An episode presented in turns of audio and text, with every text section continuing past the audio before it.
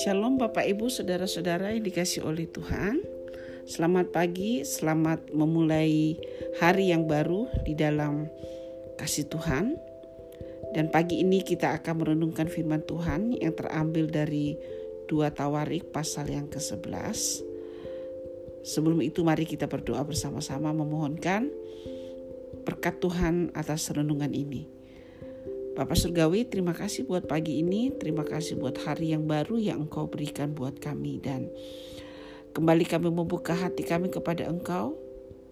Berfirmanlah kepada kami ya Tuhan, dan kiranya perenungan kami bersama dengan firman-Mu memberi kekuatan kepada kami untuk menjalani hari ini di dalam kehendak-Mu dan di dalam berkat-berkat-Mu Tuhan.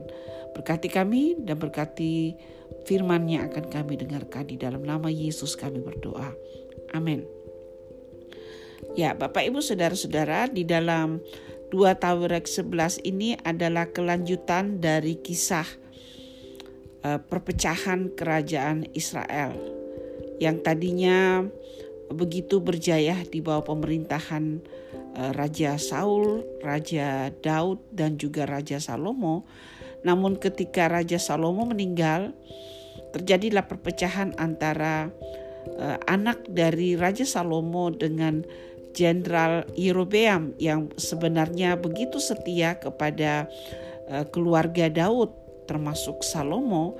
Namun karena uh, perilaku atau tindakan-tindakan Rehabeam yang nampaknya menunjukkan ketidakhormatan kepada Yerobeam sehingga Yerobeam kemudian memutuskan untuk memisahkan diri. Dan di dalam perpecahan uh, Israel bersatu ini uh, sungguh menyedihkan oleh karena uh, sebagian besar dari kedua belas suku yang ada di Israel sepuluh di antaranya itu mengikuti Yerobeam dan membentuk koalisi sendiri di utara dan disebut sebagai Israel Utara dan pusat pemerintahannya adalah Samaria. Nah, kemudian apa yang terjadi? Rehabeam e, mungkin tidak menyangka bahwa e, ternyata dia tidak sepopuler yang dia pikir dalam fakta bahwa 10 suku itu meninggalkan dia, meninggalkan kerajaan yang dibangun dan dikokohkan oleh Daud dan juga oleh e, Salomo, kakek dan juga ayahnya dan eh, sepuluh suku ini meninggalkan dia begitu saja dan hanya ada satu suku yang tinggal bersama-sama dengan suku Yehuda yaitu suku Benyamin. Nah, di dalam pasal yang eh, 11 ini di bagian-bagian pertama kita melihat bahwa Rehabeam ya tidak sepenuhnya uh, diceritakan tidak baik.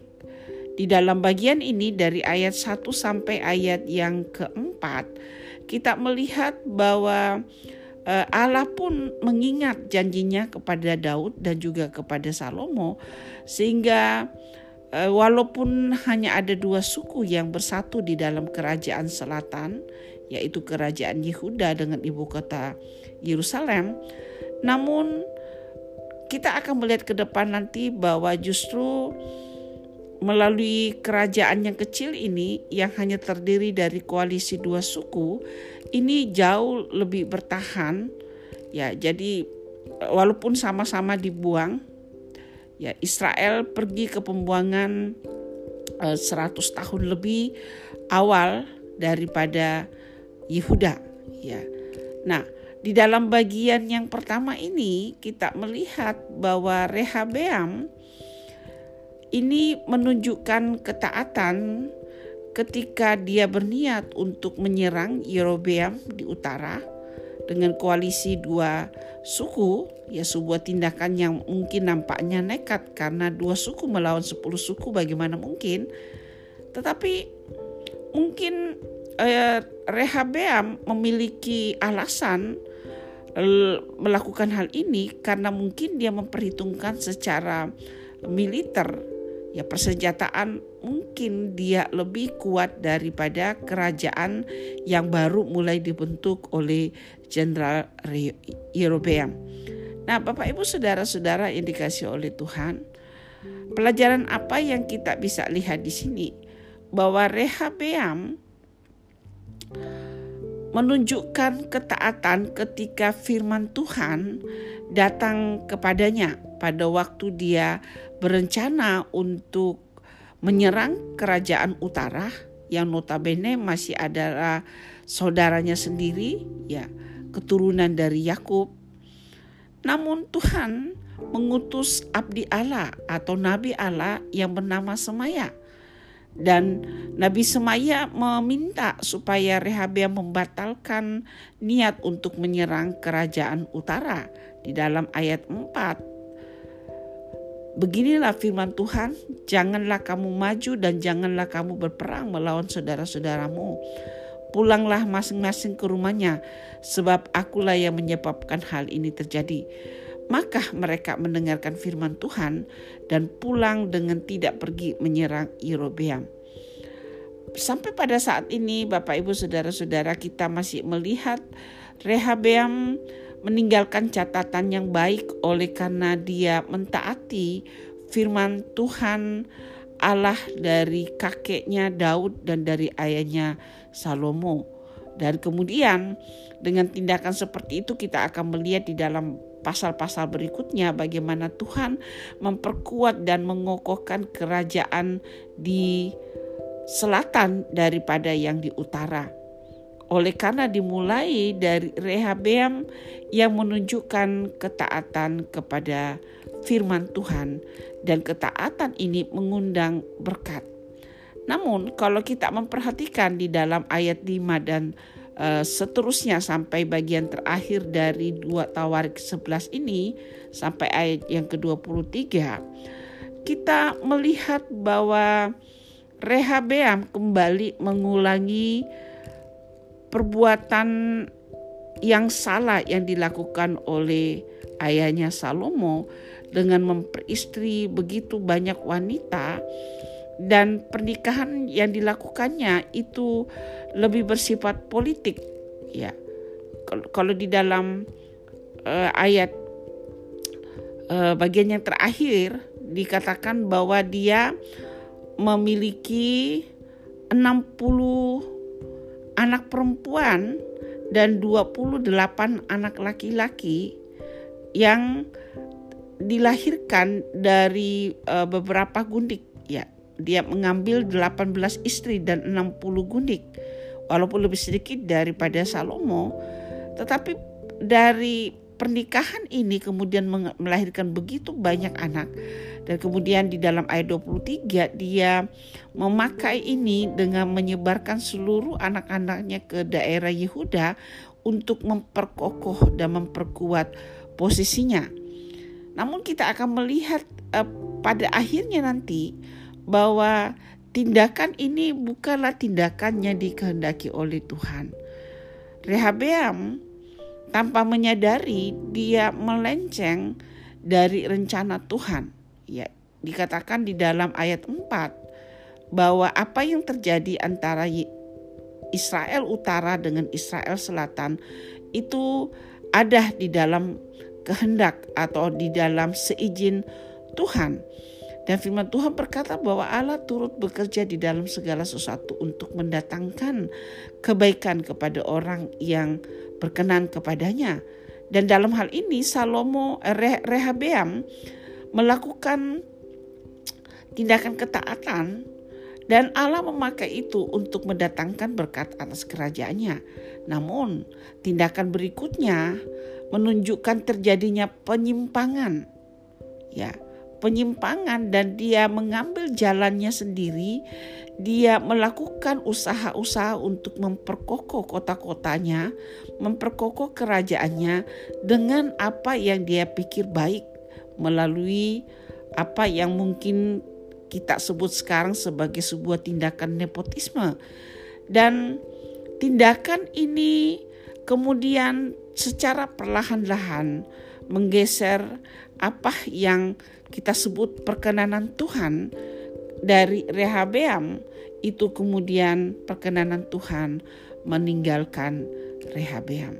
Ya, kalau kita lanjut ya di dalam pasal 12 ayat 1 dikatakan Rehabeam beserta seluruh Israel meninggalkan hukum Tuhan ketika kerajaannya menjadi kokoh dan kekuasaannya menjadi teguh.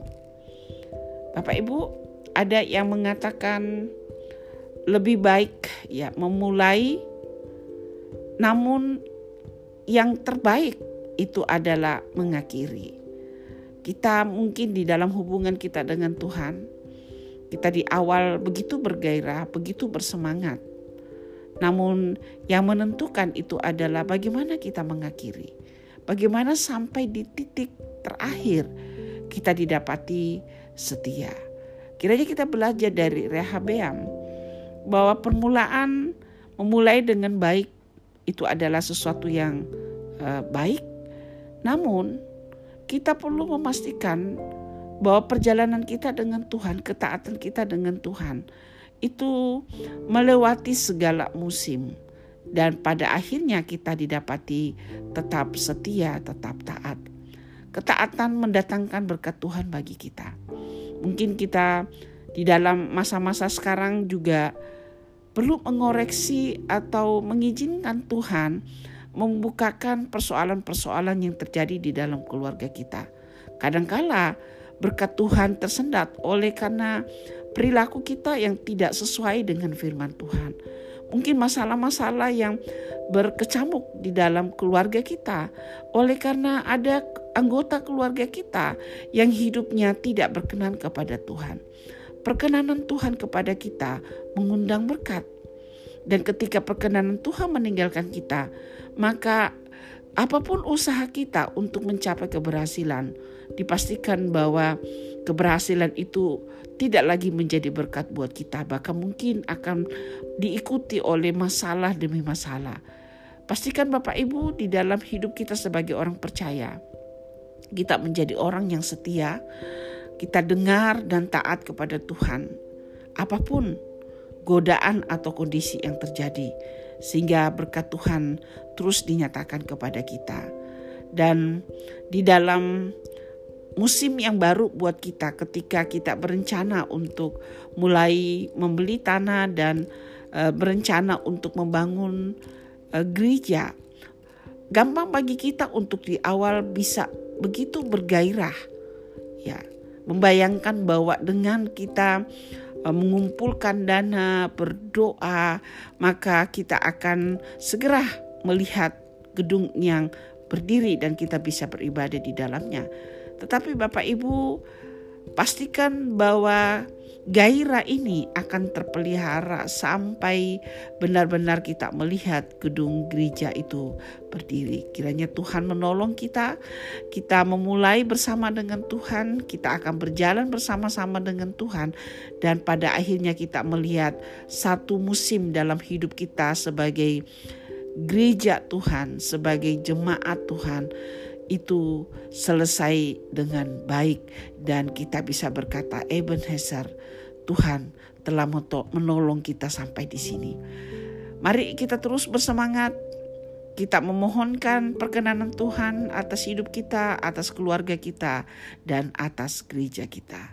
Tuhan memberkati Bapak Ibu. Amin. Mari kita berdoa untuk hidup kita, kita serahkan hidup kita, kita memohon supaya roh Allah terus memimpin kita menjadi orang yang setia. Dan juga kita akan berdoa buat pembangunan gereja GSCA Bethesda Ministry. Bapak, terima kasih buat firman-Mu. Kami tidak lebih baik daripada Raja Rehabeam, bahkan mungkin kami lebih buruk. Mungkin kami memulai dengan baik, kami memikirkan betapa baiknya kami di dalam hubungan dengan Tuhan. Namun pertanyaannya adalah apakah hubungan kami akan terus seperti itu. Kiranya Engkau menolong kami, hati kami terus berpaut kepada Engkau Tuhan. Hati kami melekat kepada Engkau. Kami mengutamakan Engkau di dalam segala rencana kami. Dan kami taat jikalau kami harus mengikuti kehendak-Mu daripada keinginan kami sendiri. Tuhan, berkati rencana-rencana kami, berkati keluarga kami, Tuhan.